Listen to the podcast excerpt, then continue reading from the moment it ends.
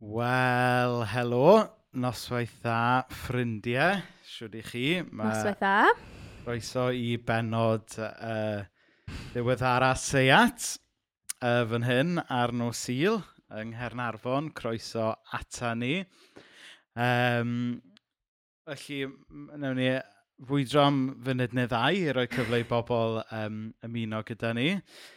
Um, Dwi'n gweld bod uh, rhai o, o'r usual suspects wedi tiwnio mewn ato ni. Noswaith A, Corey Hampton. Uh, noswaith A. Bilef. Arwel. Roger Jones. Ie. Yeah. Jim Clark. Croeso. Ddim Jim. Croeso. Ato ni heno. Um, Braf cael eich cwmni chi. Ydy. So, tra bod ni'n aros i fwy o bobl ymuno, um, croeso Adrian. Um, oedden ni wedi chwarae efo'r syniad o gael um, Adrian, ffrind i ni sy'n um, sy ficer yn Gorseinon, fel gwestai. Um, a fydd, fydd hynna'n digwydd rhywbryd, ond dwi jyst heb gael amser i weithio allan sut mae gwneud hynny'n dechnegol eto. Um, ond uh, cyn bo hir, um, fi yn dweud da ni'n neud dau beth yr un pryd. Fi actually'n falch o glywed hwnna'n ffi, achos byddwn ni ddim eisiau ti gwastraffu dy amser jyst yn gwrando arno ni. Ie, yeah, mae hynna'n wir. so wrth bod ni'n um, rhoi cyfle i fwy o bobl ymuno gyda ni, ti eisiau sôn ma na, i chi sy'n newydd i'r seiat, um, da ni'n tueddu gychwyn pob, um, pob sesiwn yn sôn beth da ni wedi bod yn pobi wythnos yma. Um, Ie, wel, oedd pobi wrthos yma'n bach o rysh. Fi newydd wneud scones. a sa'i di wneud scones a blynyddoedd, chwaith. Um, so, ie. Yeah. A nes i ddim dilyn ar y site yn, yn iawn chwaith. Um, so, o'n i bach yn nerfus sut o'n nhw'n mynd i droi allan. Ond, maen nhw'n edrych yn oce. Okay. Dyma nhw, fi di roi jam a hifen yn ddyn nhw'n barod.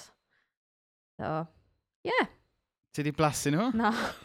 Ti eisiau fi flasu nhw? Credu bod na lot gormod o flawd, achos oedd y cymysgedd yn lot rhy lib. So, mm, waw. O, mae'n reit da. Mae'n yna reit, ydy?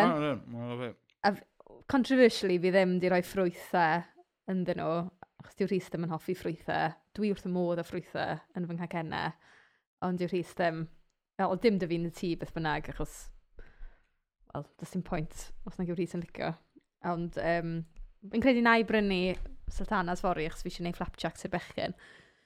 So, um, ond yna, ie, yeah, so dyna'r pobiad, pobiad yr wythnos newydd gael ei wneud. A'i Glenys, dwi'n gweld Glenys y bod newydd yn um, deud helo. Mae Glenys, mae'n oh. neis cael chi gyda ni eto heno. Mae Agent Morgan yn meddwl bod fi'n edrych fel ffilm star gyda fe microffon newydd. Wel, ie. Yeah. Diolch yn fawr, Agent dydy dy microphone technique di ddim yn arbennig. Mae'n rhaid ti siarad mewn iddo fo, oce? Ie, ie, fi'n trio gwa... siarad mewn iddo fo. Fi'n trio gweld y camera.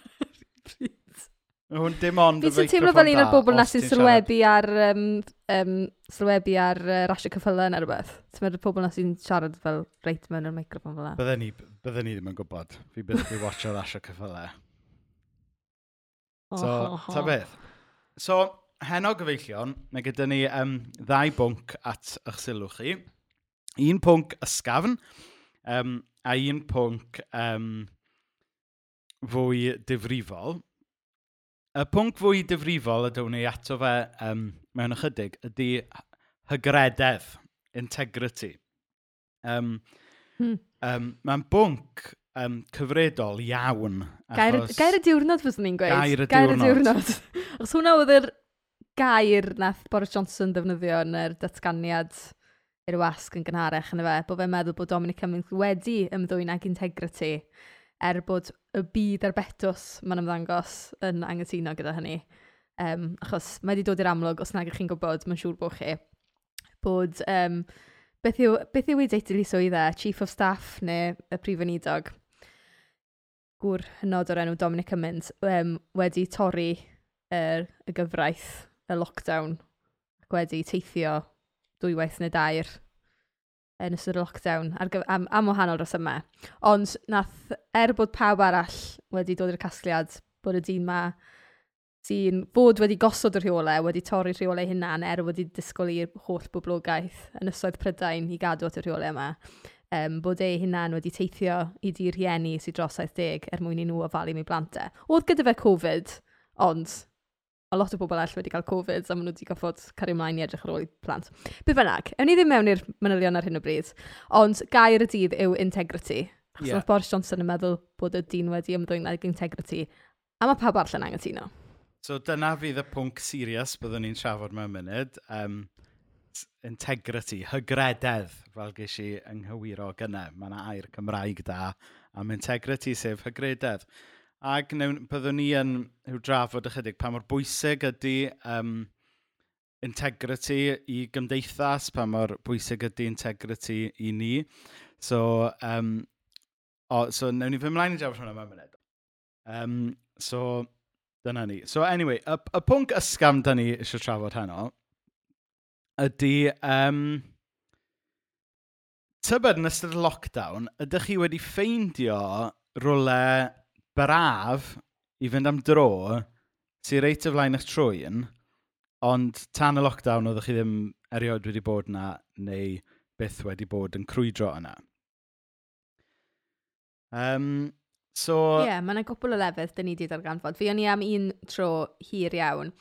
Um, falle bod chi'n gwybod mae plant bach gyda ni, um, cadog sy'n dair a hanner, a nedw sy'n, wel, fabi, mae e dros dros i flwydd. Ond, um, so, dyn ni ddim yn cymryd yn bell iawn, achos be dyn ni'n tueddu i wneud pam dyn ni'n mynd am dro yw bod Nedw'n mynd ar gefn Rhys a bod Cadwg yn cerdded, um, fel bod ni ddim yn goffo mynd ar pram. Ond, wrth gwrs, dyn ni ddim yn cymryd yn hynod o bell, ond chwarae teg, nath Cadwg gerdded tair milltir heddi. Gathon ni un stop bach yn y canol um, iddo fe ystod lawr, ond nath e ddim rili really ystod lawr am hir iawn. Um, ond, ie, um, yeah, athyn ni lle hyfryd heddi, yn byddwn ni'n cerdded wrth ymyl yr afon Seiont yng Nghanarfon. Um, a oedd hi jyst yn rili, really, rili really hyfryd yna. Oedd hi'n ddwrnod braf iawn. Oedd hi'n brafiach nag o'n i'n meddwl, nes i wisgo gormod o ddillad, so o'n i'n boeth ofnadwy. Um, ond o'n i lawr wrth ymyl yr afon, a oh, oedd hi jyst yn hydolus, oedd hi'n gwir. Um, a wedyn lle arall dyn ni wedi darganfod yw coed cadnant sy'n agos iawn i'n tini fan hyn. Um, so coedwig gath i chynllunio, wel, agor ti i gymlynedd yn ôl, ie? Yeah. Um, so coedwig wedi cael ei chreu, really. Mm -hmm. um, ond eto, lle braf i fyny gerdded, dyw'r afon ddim cweit mor neis fyna. Na, no, mae'r afon horrible. a mae yna bethau rhyfeddol wedi cael ei taflu mewn i'r afon. Ond, um, ond mae'r goedwig yn braf. Ie, yeah, yn braf iawn. Um, ond ie, yeah, nes i rili really mwynhau wrth ymwyl Afon Seiont. Ie, yeah, ond mae lot o pobl yn dweud bod y lockdown wedi bod yn gyfle da iddyn nhw darganfod llefydd, falle dyn nhw ddim wedi bod o'r blaen, achos yn amlwg, chi methu mynd unrhyw le yn y car. Um, mae rhaid i chi fynd am dro ar droed. Um, a wedyn, hyn o hyn o weithiau chi'n clicio ddrwy'n y castell. Um, so mae wedi bod yn neis um, i fi i darganfod llefydd gwahanol. Er, fel arfer, os os mae Rhys yn gweithio yn yr wythnos a just fi a'r bechgyn sydd, dyn ni'n mynd yn y pram a wedyn, ie, yeah, mae'n gyfyngedig iawn le ni'n lli fynd, really. Ond um, yr penwthnos ni'n tueddu i fynd i rhywle gyda dro bach yn hirach. Felly, ydych chi wedi cael profiad tebyg? Ydych chi wedi darganfod rhywle newydd? Fydde'n rili really da clywed, achos os newn ni ddod i'ch ardal i le chi'n byw, newn ni, byddwn ni'n gwybod y tips am le i fynd gerdded. Um, mae rhaid i wedi, mae hwn i gyd wedi codi atgof i fi o pan o'n i'n fach a um, oedd Myngi Adaci yn byw yn Llanddewi Brefi wrth ymwyl Tregaron. A um, o'n nhw'n byw yn hen di'r ysgol, ond oedd na lwybr yn mynd lawr wrth ymwyl yr afon yn y pentre, a wedyn tu cefn i'w tu nhw mewn ffordd a dros rhyw geiau. A o'n nhw arfer byw flan fyny'r, rhyw filltir fyny'r um, mynydd uwch ben y pentre. Um, so nhw'n galw'r llwybr ma'n shortcut i'r pentre, achos nhw'n gallu torri ar draws y ceiau i fynd i ganol y pentre. Um, so shortcut o'n i'n galw fe, ond oedd e ryw, sa'n gwybod, oedd e ddim yn hir o gwbl, oedd rhyw milltir rownd, um, wac o rownd. Ond oedd e'n rili really neis i wneud os o'n i'n aros gyda nhw, jyst cyn mynd i gwely neu rhywbeth, jyst mynd am dro bach a yeah, fi'n colli wneud pethau fel Mae hwnna'n rhywbeth, rhywbeth, mae'n rhyw atgof, ie, yeah, mynd i tîm yn gyd y cu rhywbeth rili really annwyl a hydolus. Ie, yeah, so mae pam yeah. nes i rannu hwnna. Yeah. Mae'n cysylltiedig. So ta beth, so dyna, dyna, um, so dwi'n gweld yn y sgwrs bod Adrian, yn ffrind ni o Gorseinon, um, a Claire i wraig, um, wedi dod o hyd i drac beic yng Ngorseinon nad oedden nhw'n ymwybodol ohono fe o'r blaen. Um, Mae'n ddiddorol dydy, achos fel arfer, eich instinct chi di neidio yn y car a mynd rhywle arall i fynd am dro, ond mae'n neis nawr cael cyfle i ffind o'r rhywle. Um, reit o flaen eich trwy'n. So ta beth, newn ni fy mlaen nawr fi'n meddwl i drafod uh, pwnc, um, pwnc y seiat heno, sef integrity, hygrededd. Ac uh, unwaith eto mae Adrian, so come on pobl eraill, mae eisiau chi roi negeseuon hefyd yn lle. Dylen ni wedi cael, fi'n fi meddwl bod Adrian yn brysur iawn ar y chat, achos mae'n yn neud y pwynt, dylen chi wedi cael fi fel gwestai heno.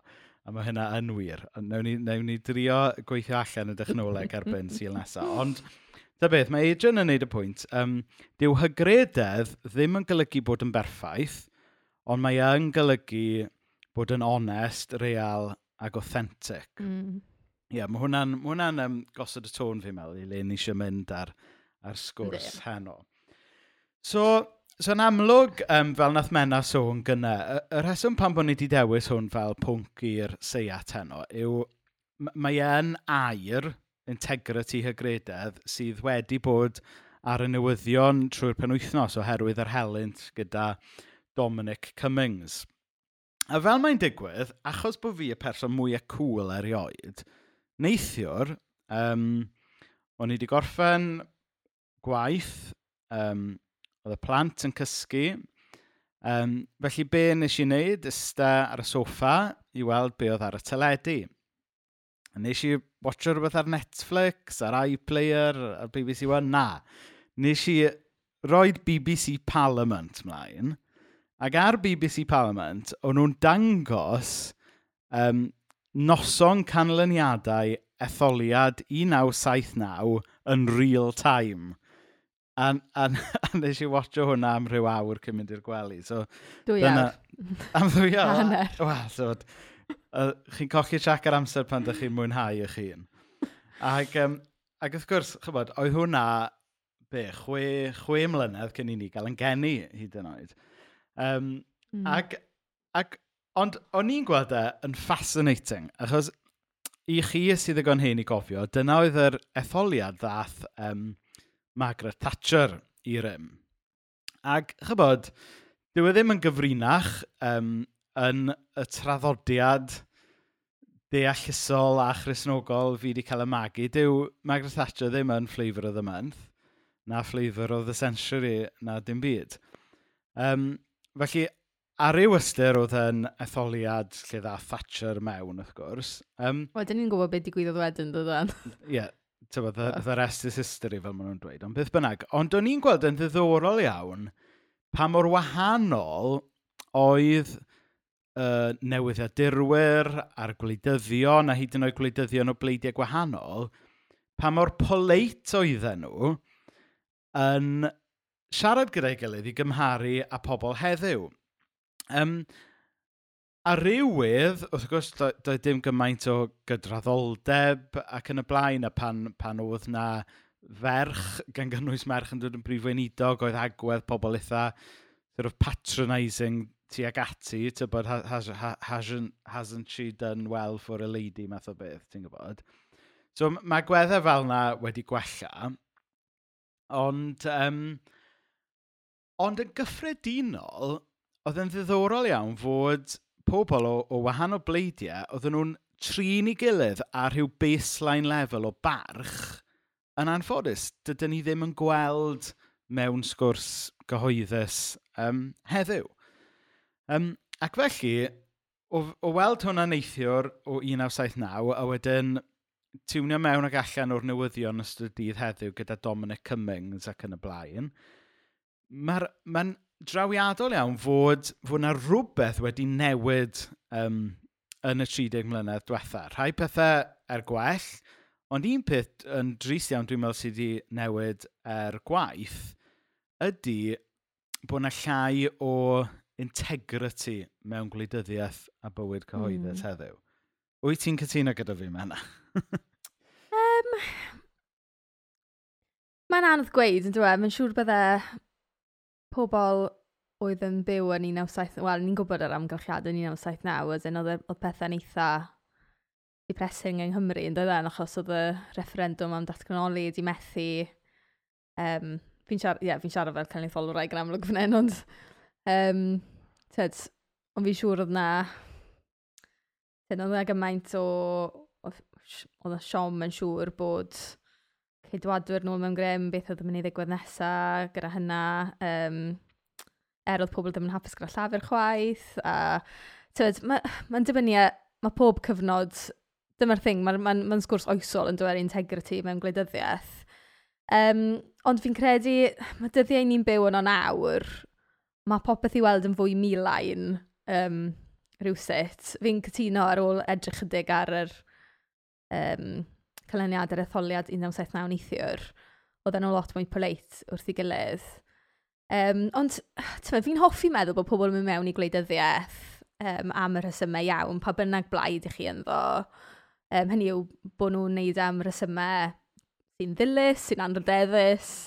Um, dyna beth chi eisiau credu, ond fi'n meddwl, a mae hwn yn lincio mewn gyda pwynt Adrian, um, ta pam o faint o integrity sydd gyda chi, mae rhywbeth fel gwleidyddiaeth mor toxic a ma'ch amcanion chi yn cael eu cymysgu lan gyda agendas, wel, agendas plaid, wedyn mae'n agenda personol am eich uchelgais a mae agenda o ran beth os mae gyda chi rhyw polisi neu rhywbeth i chi eisiau newid um, ie, yeah, pobl chi eisiau plesio, a pobl, ti'n mynd, mae ma jyst pob math o bethau yn dod mewn. i'r peth. Mae diwylliant, fi'n meddwl, mae'n amhosib fod yn person perffaith yn y diwylliant yna, achos mae e'n reit toxic. Um, So'r gorau ti'n gallu neud, fi'n meddwl, yw trio bod yn ddiffiant, um, trial ymddwyn gyda anrhydedd, a tri, trio fod mor onest a phosib. Mae'n siŵr ti ddim yn mynd i llwyddo bob tro yn gwleidyddiaeth. Achos dyna'r peth, really, achos um, fel fi'n siŵr mae Cresnogion mewn gwleidyddiaeth a cofio pan o'n i'n iau, o'n i'n hoffi meddwl, o, oh, tymed, mae'n dda, mae'n eisiau cael mwy o Cresnogion mewn i gwleidyddiaeth er mwyn bod nhw'n newid gwleidyddiaeth i fod yn fwy andrdeddus a pethau, ond o, oh, bach, fel profiad bach ydw i wedi cael um, o fod yn ymgyrchydd, ond fel mynd i'r senedd i fatha lobio a pethau, ond mae'n mae anodd iawn iawn, fi'n meddwl, i fod yn... Mae'r delfryd o eisiau Cresnogion fod yn ymwneud â, â gwleidyddiaeth, ond actually, fi'n meddwl pa mae Cresnogion yn ymwneud â gwleidyddiaeth, mae'n siŵr o fod ymateb naturiol yw pa mor anodd yw ei fod yn ganol y byd yna, achos mae lot o'r werthoedd a lot o'r pethau sy'n cael ei wneud yn wrthyn i beth i chi yn credu ynddo fel Cristion ac yn tynnu'n gros i'r gran um, achos bod na, mae yna gelwydd, mae yna dwyll, a ie, yeah, sefyllfa anodd, mae'n anodd iawn i fod yn gristion y sefyllfa yna, er bydden ni yn hoffi gweld mwy o Cresnogion yn, yn, yn yn wneud y gwleidyddiaeth. Um, mae'n fwy cymles. So be, be oedd y brofiadau di yn trio bod yn berson o integrity pan wyt ti'n fwy um, gweithredol yn y byd gwleidyddol te? Ti eisiau rhoi well, bach o gemder yeah. pan bod fi'n gofyn y cwestiwn yna i ti? Wel, on... Rhaid gofyn i chi feddwl yeah. bod, chyfo, bod, bod mena wedi bod yn brif weinidog Cymru heb i chi fod yn aware. Ond... Yeah. Do, fi sy'n brif weinidog Cymru am saith mlynedd. Um, yna, beth sy'n um, cadeirydd Cymdeithas yr Iaith Gymraeg, um, sef mudiad ymgyrchu, a dyna'r peth, rili, really, oedd yn hawdd i fi, ymgyrchu, ddwn ni. a tyfyd, mae ma Cymdeithas yr Iaith yn um, Wel, os gael jump in mewn, doedd yeah. e ddim yn hawdd, achos rhan o yr ochr ymgyrchu y gwleidyddiaeth ydy bod yn forceful yeah. yn trio gwthio agenda yma. Ie, yeah, mae hwnna'n so, wir. Sut nes ti ffeindio wneud hynna, ond dal cadw rhyw fath o heddwch a integrity i ti'n bersonol a, a gyda'r pobl oedd y ti'n... Wel, fi'n meddwl y cyd-destun, ti'n lwcus iawn yn cymdeithas yr iaith, achos ti'n mewn cymdeithas o bobl um, o ymgyrchu, ymgyrchwyr a hanes o ymgyrchwyr sydd wedi defnyddio'r dilltu drais, sydd wedi... So be, be ti'n golygu wrth um, y dilltu drais? Ti eisiau unpacio hwnna oh, gyda well, pobl sydd yn... yn anferth o bwnc, ond... Basically, ti'n... ti'n um, ymgyrchu, wel, ddim yn defnyddio trais. A hwn oedd y tri peth, rili, really, sy'n dod o'r ffydd chrysnogol mewn ffordd. So, ti, ti ddim yn defnyddio trais corfforol, trais geiriol, na trais o dy galon. A, rili, really, yn, yn popeth i ti'n neud, ti, um, okay, ti'n ti gweld beth yw'r anghyfiawnder, ti'n dolan gyda beth ti'n meddwl bydde'n ddatrysiad neu beth byddai'n gallu newid um, yr anghyfiawnder yna er i fod yn sefyllfa gyfiawn. Um, a tyma, dyw'r atebion yna ddim wastad yn gywir, ond dyna'r thing dyna'r ymgyrchu. Ti jyst eisiau fe fynd i'r cyfeiriad cywir. Falle daw rhywun arall gyda syniad gwell. Ffantastig. Ond ti'n jyst goffo creu y sgwrs, yn dwi? Ti'n goffo creu yr yr agenda'r rhoi push i'r tren yna i fynd i'r cyfeiriad iawn, dwi? So, um, ti'n dylan, ie, yeah, syniad er mwyn troi anghyfiawnder yn gyfiawnder. Um, a wedyn i ti'n yeah, ymgyrchu a ti'n weithiau pan mae'r gyfraith yn anghyfiawn, mae rhaid ti dangos e trwy um, anifuddod sifil, a beth sy'n rhan o hwnna, ond 99 y gad o'r amser, beth ti'n neud yw um, tymed, trial dangos beth yw dachos di trwy dod o enghreifftiau o anghyfiawnderau mae pobl yn profi, um, tymed, trwy pwyso ar gwleidyddion, trwy cyfarfod y pobl, trwy just trial hybu dachos di ym, ym mhob ffordd posib, really. Um, ond ie, yeah, y thing nad, o tymed, o dill di drais yw pam i ti'n pwyntio at cyfiawnder, ond ddim yn fodlon defnyddio trais, le actually ti'n meddwl bod y sefydliad weithiau yn euog o defnyddio trais. Felly dim os yn gorfforol, um, ond falle mewn ffyrdd eraill. Um, yeah, so, oh, dyw hwnna ddim yn esboniad gret, ond falle mae'n cyflwyniad. Dwi'n meddwl bod yn, diolch mae'na, dwi'n meddwl bod yn bwysig, yn, yn, yn arbennig dwi'n meddwl yr elfen dim trais calon, achos yeah. pan o'n i'n neud mwy o bethau gwleidyddol nag ydw i nawr, a gyda llaw, dwi dal gyda diddordeb mewn gwleidyddiaeth a dal yn ymhel rhywfaint o, o wleidyddiaeth, ond ddim, ddim gymaint ag o'n i, ond um, o'n i'n gweld mae'r mae bit dim trais calon ydy'r... Achos hynny, o'n i, to, i bawb sy'n adnabod fi, o'n i, o'n i byth mynd i ddynyddio trais corfforol. Ti'n gwybod? Fydda, na, na, na trais na. geiriol, rili. Really, ond oedd trais calon yn rhywbeth lot fwy heriol, achos mae'n anodd ac yn eitha heriol peidio um, magu ysbryd um, o gasineb, really, yn erbyn pobl sydd o farn gwahanol i chi. Mm, um, mm, mm. Ond, ond mae hwnna mor bwysig i gael... Um, Yeah, okay. So, um, so mae yna gwpl o sylwadau wedi dod mewn. Yn ni, yn ni ddarllen rhai'r o'r sylwadau yma cyn cer ymlaen ar sgwrs. So, um, mae Arwel yn dweud bod ni wedi colli'r capacity i anghytuno'n gwrtais Mm. Um, yn sicr, um, ac chybod, dyw e ddim yn gyfrinach, um, ni'n grisnogion, um, a, a ni'n rhan o'r eglwys, a dwi'n meddwl um, ar y gweitha um, bod yr eglwys yn, yn, yn yw, mae Cresnogion yn gallu um, ffrio mewn ffordd sydd ddim yn iawn, ond ar y gorau, dyn ni yn gallu dangos sut mae angytuno yn gwrtais. Um, mm. Un o'r pethau fi'n credu mwyaf heriol fi wedi cael pan wrth bod yn gristion yw just dod i tilere, really, bod yna chrysnogion eraill gyda barn gwahanol i ti am bethau. Um, dim bod fi yn, yn dan false illusions, tybed, bod pawb yn mynd i gytuno am bopeth, ond fatha tyd, am gwleidyddiaeth, da ni'n gwybod bod Cresnogion ar draws y byd gyda barn wahanol iawn yn syniedig ar lle maen nhw'n byw, a traddodiad maen nhw o, a cyn y blaen. Um, er, tymed, mae'n yeah, ma rhai trwyddiadau gyda lot yn gyffredin, mae rhai ddim.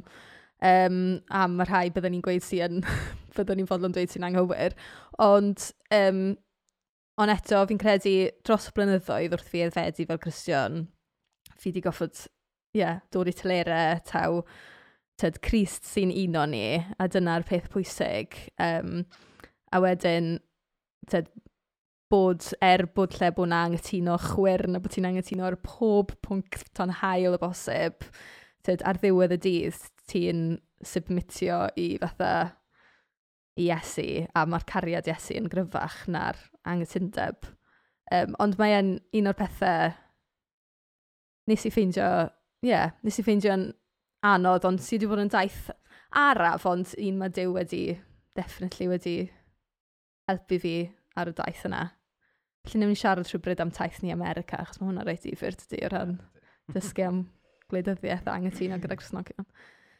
Um, a ffi yn rhannu um, hygrededd, um, lle mae pethau da ni'n neud y matcho beth ti'n deud neu yn credu.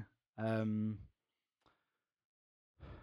Ond wedyn, ie, yeah, weithiau mae rhaid ti mentro, dwi'n meddwl mai be mae ffin yn dweud, weithiau mae rhaid i ti fentro mewn weithiau i ddylchfaoedd a perthnasau falle, lle mae yna mismatch o ti ddim yn cweith yn siŵr beth sy'n mynd ymlaen, ond, ond ti jyst yn ofalus yn, yn symud ymlaen um, me, mewn ffydd mewn i'r sefyllfa neu'r neu berthynas yna. So, um, a wedyn, Arwel hefyd yn codi'r pwynt ydy disgwyliadau cymdeithas yn wahanol i ddisgwyliadau teirnas ddiw, wel, ydyn.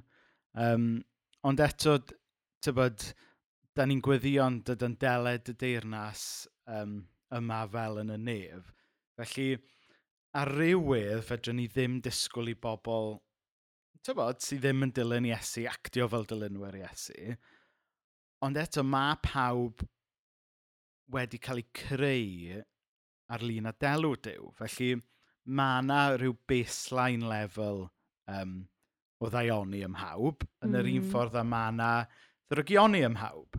Um, a hefyd, um, na i ddim mynd rhy fanol mewn i hwn, achos nid podlediad dofn ydy hwn fod, ond yn, yn y byd diwynyddol mae mae yna'r fath syniad um, be mae diwynyddion yn galw yn gras cyffredin, common grace, sef, sef rhyw elfen o ras diw sy'n syrthio ar bawb, nid jyst pobl sydd yn credu, ond ar bawb. A dyna sydd yn galluogi pawb i fod yn rhan um, o bethau da, i bawb fod yn rhan o geisio cyfiawnder, nid dim ond pobl mm. sydd yn credu fel pethau.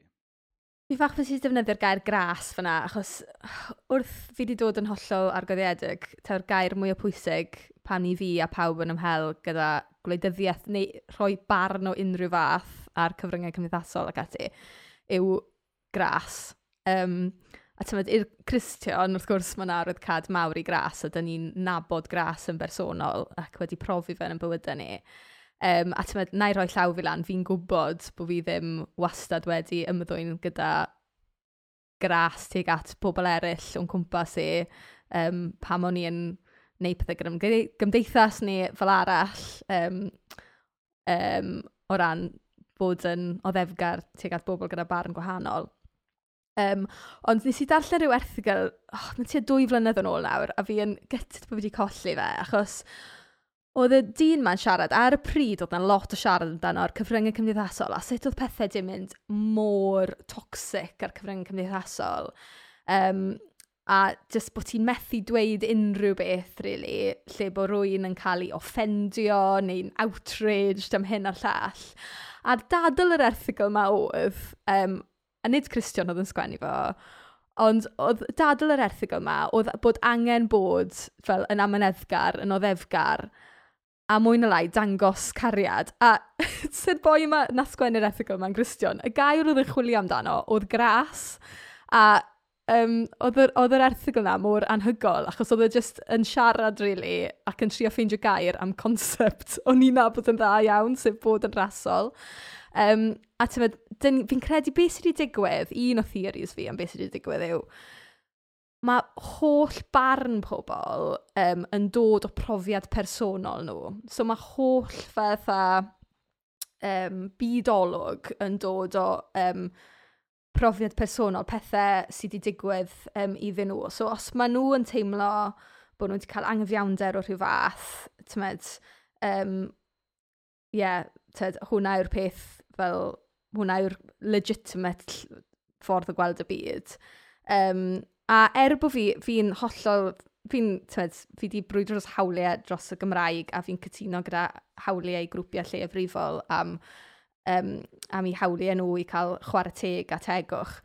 Um, ond fi'n credu y, y downside o'r dadl hawliau yw bod pethau'n gallu mynd yn rhy bersonol weithiau a ti'n methu gweld safbwynt pobl eraill. So falle bod ti'n gallu gweld hawl dy hun yn rili really glir a hawliau pobl tebyg i ti ond bod ti methu falle, nid, nid o'r eidrwydd ffeindio, tymed, gweld beth yw hawl pobl eraill, achos weithiau diwedd dim fel yma pethau'n gweithio bod pobl eraill wedi cael lot mwy o hawliau yn y tŷ a sydd wedi bod yn anheg, ond falle bod ti'n methu bod yn ddigon fatha grasol i weld o lle maen nhw'n dod.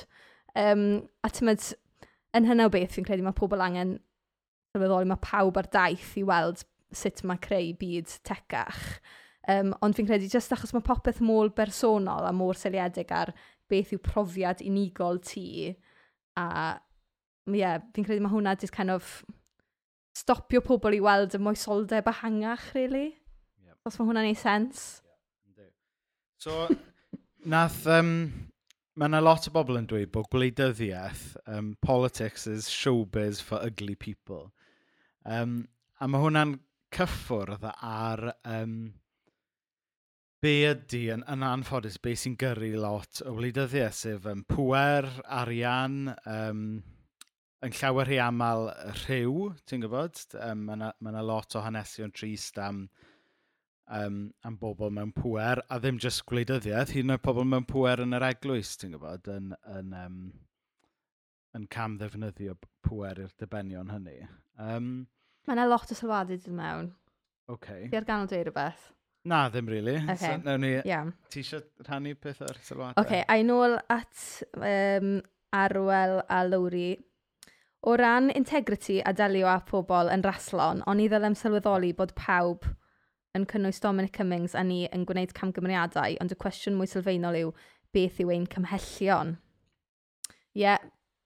ie, yeah, pwynt da. Um, Ie, os neb... Yeah. Wel, dwi'n... Os ga ymateb Ie, i hwnna. sori, so, dwi'n dwi meddwl bod y cwestiwn yn ynglyn y cymhellion yn clymu mewn hefyd i sylw Steff yn eis lawr ynglyn â aws disgwyliad uwch i arweinwyr ddangos integrity. Achos, yn yw, ffordd mae'r ddadl di mynd yn ystod y dydd heddi efo Dom Dominic Cummings ydy, yn dechnegol mae e wedi torri y rheola a'r ddeddf.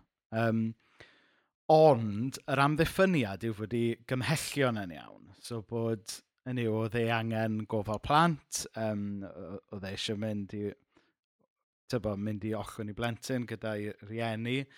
Um, felly oedd e jyst yn, yn ddyn da oedd yn cyfalu ar ôl i deulu. Um, ond fel mae Steff yn pwyntio allan, um, fel arweinwyr, A, a mae hwn yn mynd i arweinwyr ym mhob maes, tybod, gwleidyddol, yn yr eglwys, llywodraeth leol, bob man. Hynny yw, mae ma, ma cael eich gweld yn neud y peth iawn, bron yr un mor bwysig a neud y peth iawn. Ddim, ddim bod cael eich gweld yn neud y peth iawn, tybod, fatha, yw popeth, achos tywa, chi'n gallu twyllio pobl drwy jyst cael eich gweld yn neud peth iawn o'n neud rhywbeth arall. Ond trwy cael eich gweld yn neud peth iawn, bron a bod, mae hwnna'n un o'r definitions o be ydy arwain, yn yw gwneud rhywbeth yn yr un ffordd ydych chi'n disgwyl i bobl eraill ddilyn, ynddo fe. Um, ag, a dyna, tywa, dyna yw'r yw, broblem integrity sydd wedi bod yn cael ei drafod heddi, ynddo fe. Um, mm, -hmm. Sef, tywa, y, y, bal, y balans yma trwy, hynny yw, just achos bod eich cymellion chi'n iawn, dyw e ddim wastad yn wneud y weithred yn iawn. Na, na. dyna, dyna yw'n heimlad i. Um, ond... A ti'n mae lot, dyna'r problem efo gyda i Dominic Cummings yw, ti'n mae yna lot o bobl eraill sydd wedi stopio hunain rhag gwneud camgymeriad fel fe, um, achos bod gyda nhw gymhellio ni ofalu am ei cydfyn ac am yr NHS a tymed, cyfrifoldeb dinasyddiaeth um, le oedd e oedd yn y sefyllfa oedd yn gwneud y rheolau yma ac yn rhoi nhw allan um, ddim yn barod i gadw at nhw. Um, mae'n ma, gymleth gyda Dominic Cummings achos mae yna gymaint tymed, o bethau mynd mlaen yn y cefndir hefyd um, o ran shenanigans a cynllunio gwleidyddol a tibod pob math o pethau ti'n clywed am bod fe'n trial preifateiddio NHS a stwff len i gyd. So mae'r... Ma ma ond fi'n credu y broblem yw mae'r elite yn dyn nhw yn meddwl bod nhw'n gallu ymddwyn yn wahanol i pobl eraill. Ma, a ti'n meddwl hwnna'n yn wir trwy hanes. A ti'n meddwl mae Dominic Cummings yn un o'r elite yn dydy. Um, A er bod e, tymod, amser Brexit yn honni yn siarad dros y bobl, tyd, dyw e ddim, does ddim gyda unrhyw, unrhyw sail i ddweud yna o gwbl. Um, ti'n mae e'n yr elite, a maen nhw yn meddwl bod yna un rheol yn iawn iddyn nhw a'r bod nhw'n gallu dweud pawb arall beth i wneud. Um, so ie, yeah, yeah, fi'n credu, ond tymed, dyna'r peth, mae'r Mae'n dda bod yr pobl wedi ffeindio mas bod e yn gwneud hyn, dwi'n meddwl, achos tyd, mae angen craffu a mae angen, mae angen dalan yr drych i'r bobl yma. Mae hwnna'n ma hwnna beth da. Sorry, fi mwydro nawr. Ie, yeah, beth bynnag, o, o symud off to achos penodol Cummings a mynd nôl i'r pwnc yn bwy cyffredinol. Na, fi'n hoffi siarad am y Cummings mae, mae un, un sylw eto gan Arwel fyna. Um, a gyda llawer, rheswm Arwel yn comment o lot heno yw, o be fi'n deall, maen nhw fel arfer yn cael cwiz teuluol ar nos sil, ond wrthos yma maen nhw wedi cael ar nos Sadwrn, um, fel bod Arwel yn gallu ymuno ar seiat yn llawn, o, felly chwarae teg. Oh. Um, um, ond ta beth, o, mae Arwel yn neud y pwynt, um, fel un sydd wedi ymddeol yn lle ddiweddar, ar ddiwedd eich gyrfa, bydd neb rili really yn cofio am eich achievements chi yn y gwaith, ond bydd pobl yn cofio sut berson oeddech chi o ran eich cymeriad a'r, yeah, ar diwylliant, y cyltio oeddech chi yn, yn cario yn eich lle gwaith. Cant y cant. Um, ac dwi'n mynd i fentro dweud stori um, am yn ffrind neu arwel fan hyn os cael. Um, mae Arwel ei hun yn adrodd y stori'n aml, so dwi'n meddwl bod o'n iawn i ddweud. Nawr, nôl yn yr 80au, um, oedd Arwel yn gweithio um, y myd llywodraeth leol. Ac um, a nôl yn yr 80au, mae'n debyg, oedd gan um, lot o sefydliadau cyhoeddus, oedd ganddyn nhw bunker, achos oedd hi yn, yng, yng nghyfnod y rhyfel oer, Um, a oedd gan lot o sefydliadau coeddus, oedd ganddyn nhw bunkers ar gyfer, tybo, in the event, bod yr, yr rhyfel niwclear a'r rhyfel oer yn troi yn rhyfel go iawn a bod, bod bombs o, o Mosgo ar y ffordd. Um, a wedyn mae'n debyg dros, dros baned uh, yn, yn yr rhyw dro, oedd y sgwrs oedd taser seiren yn mynd, be fyddech chi'n neud? A wedyn, much to Lowry's amusement, Lowry o Gwraig Arwel, um, uh, rhyw, rhyw ddynes yn dweud, o, be sa hi'n neud tasa'r seiren yn mynd? Mynd i chwilio am Arwel. a fi'n gweld y stori do, absolutely hilarious. Ond, y pwynt ydy, um, hynny yw, tyfod, da ni, da ni ffrindiau gyda, gyda Arwel, a A beth bynnag am yn gwendida ni, beth bynnag am gwendida arwel, i gryfder e, yw i integrity fe, os, os gael ddweud, a, a'i ffydd, wrth gwrs.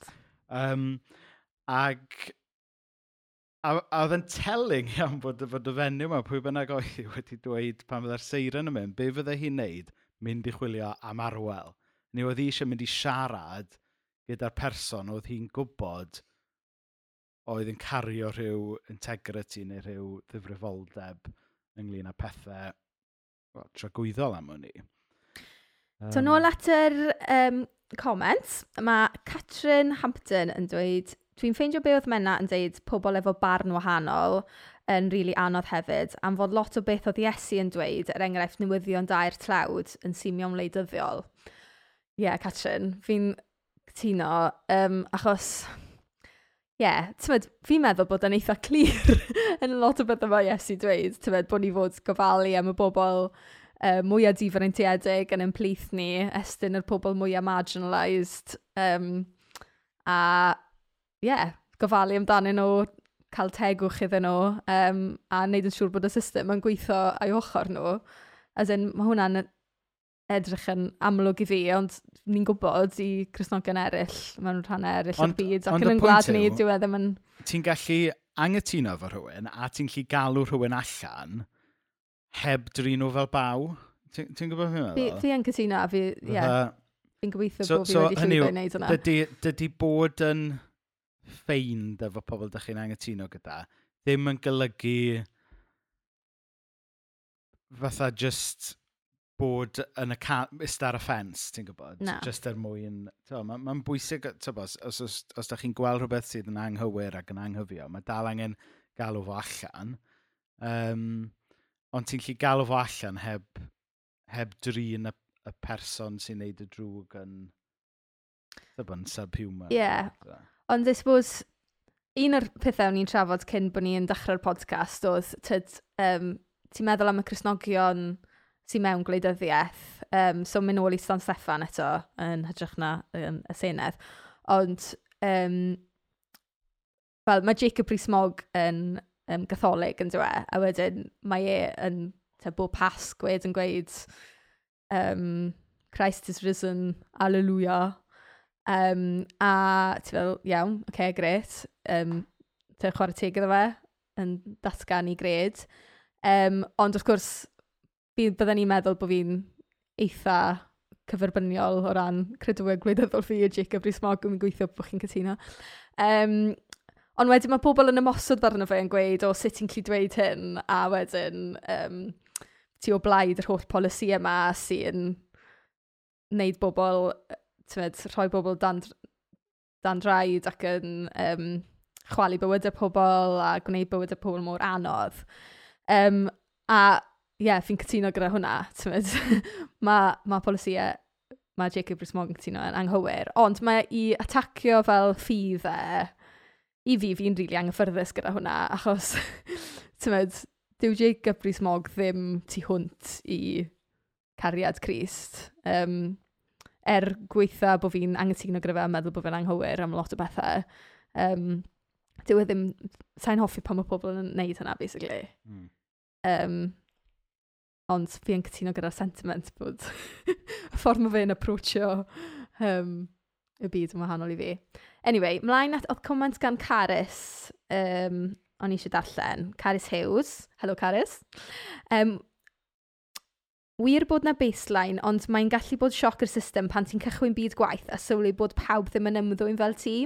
Hyd, uh, hyd yn oed mewn context proffesiynol, mae dal ati ymddwyn fel Iesu gyda hygrededd o dan bwysedd um, neu confrontation yn straen. Ie, yeah, yn sicr, Carys. Um, real straen. Um, a ie, yeah, byddwn ni ddim eisiau chwarae hwnna lawr, really. Mae'n rili really anodd bod yn gristion yn byd gwaith, a fi'n gwybod bod Caris yn byd cyfryngau a llai ddechmygu bod hwnna'n byd rili really anodd um, i yeah, just cadw integrity. Ond gobeithio bod y stori am um, Arwel actually wedi helpu um, o ran hynny o beth a just bod pwy wyt ti a'r diwylliant mae Christian yn dod â i'r i'w, byd gwaith. Tyma, tew, dyna beth mae pobl yn mynd i gofio, dyna beth sy'n mynd i cael impact um, dyn ni gyd yn ei camgymeriadau, dyn ni gyd yn syrthio'n bryn, dyn ni'n gwybod bod ni ddim yn berffaith. Um, ond dyn ni'n clu trio ymddwyn um, ag eich integrity. So fel oedd y ddeidion ddim, ddim gorfod bod yn berffaith, ond trio bod yn onest ydy, dwyll.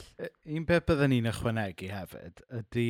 Um, Dwerwch na bod chi mewn, mewn sefyllfa, chybod, allai fe fod yn eich lle gwaith, allai, allai fe fod yn gylch o ffrindiau, um, hyd yn oed eich teulu. A, a fel mae Caris yn rhannu bod, bod jyst camu mewn y sefyllfa yna lle um, mae disgwyliadau pobl o, o ran integrity'n wahanol.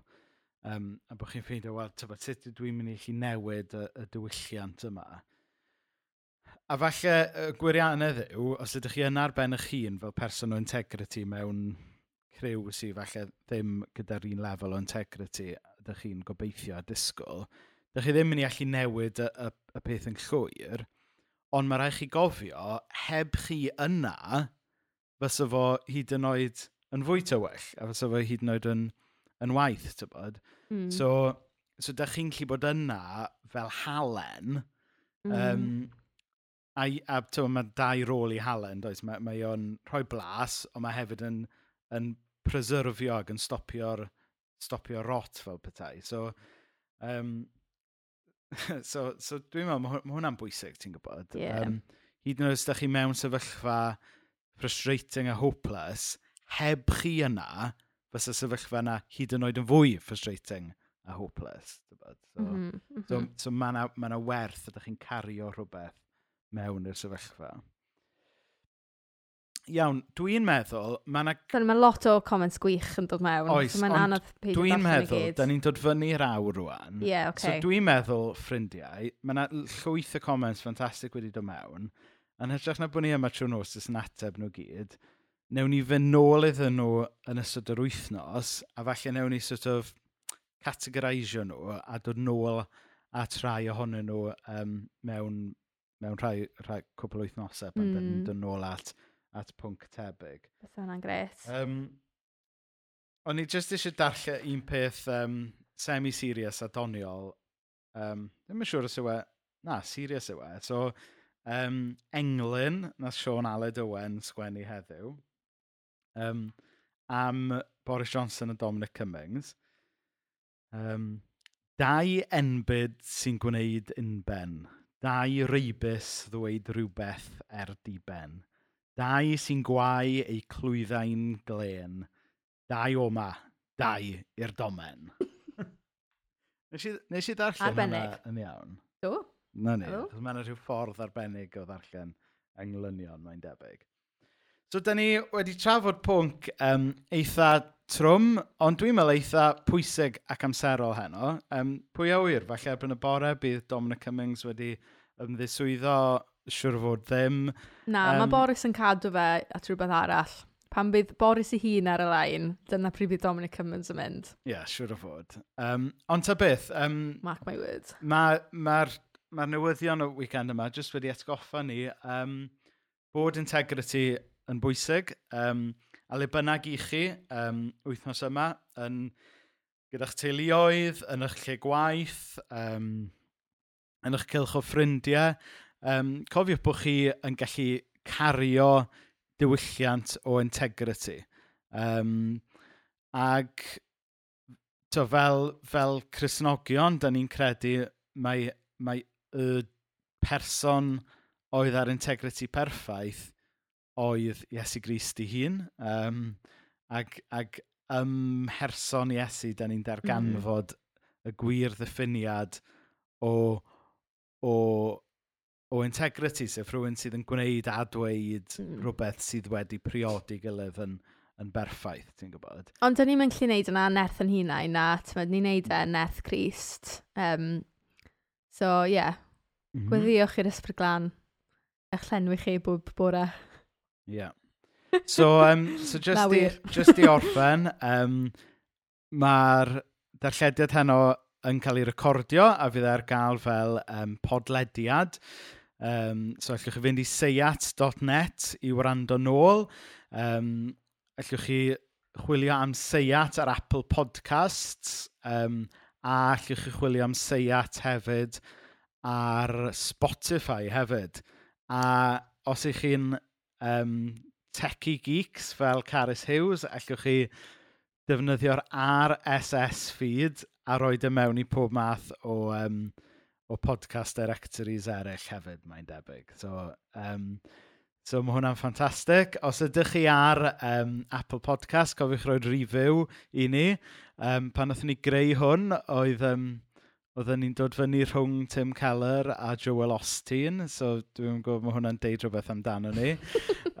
um, ond Beth bynnag. So, diolch fawr iawn i bawb sydd wedi um, bod gyda ni heno'n gwrando ac yn cyfrannu fel rhan o'r sgwrs. Um, da ni jyst yn dymuno bendydd, um, mm -hmm. a cariad, a heddwch. Um, Dyw yn Iesu Grist i chi gyd wythnos yma. Mm. Um, a da ni'n disgwyl ymlaen os byw ac iach um, i fod nôl nos sil nesaf. Oedden ni fod mynd i Ffrainc Fory. Fory. Um, ond yn amlwg, da ni ddim yn mynd. Mm. Um, ond falle na i prynu Bobby Baguettes neu rhywbeth yn ystod yr wythnos. Ffrengig. Ffrengig. Yeah, so, um, nice. So ta beth, um, da ni ddim yn mynd i Ffrainc am rheswm amlwg, felly byddwn ni gobeithio nôl yma di syl nesa. Ar Sil y Pentecost. Syl y Pentecost, wrth gwrs. Ie, yeah. mm -hmm. na ni. Oce, okay, mae hwnna yn un pwnc trafod, posib. da ni fel arfer yn penderfynu beth da ni'n mynd i trafod rhyw awr cyn y sioe fel arfer. so, dyna ni. Beth bynnag, diolch bawb, pob endith i chi. Hwyl fawr. Nos da.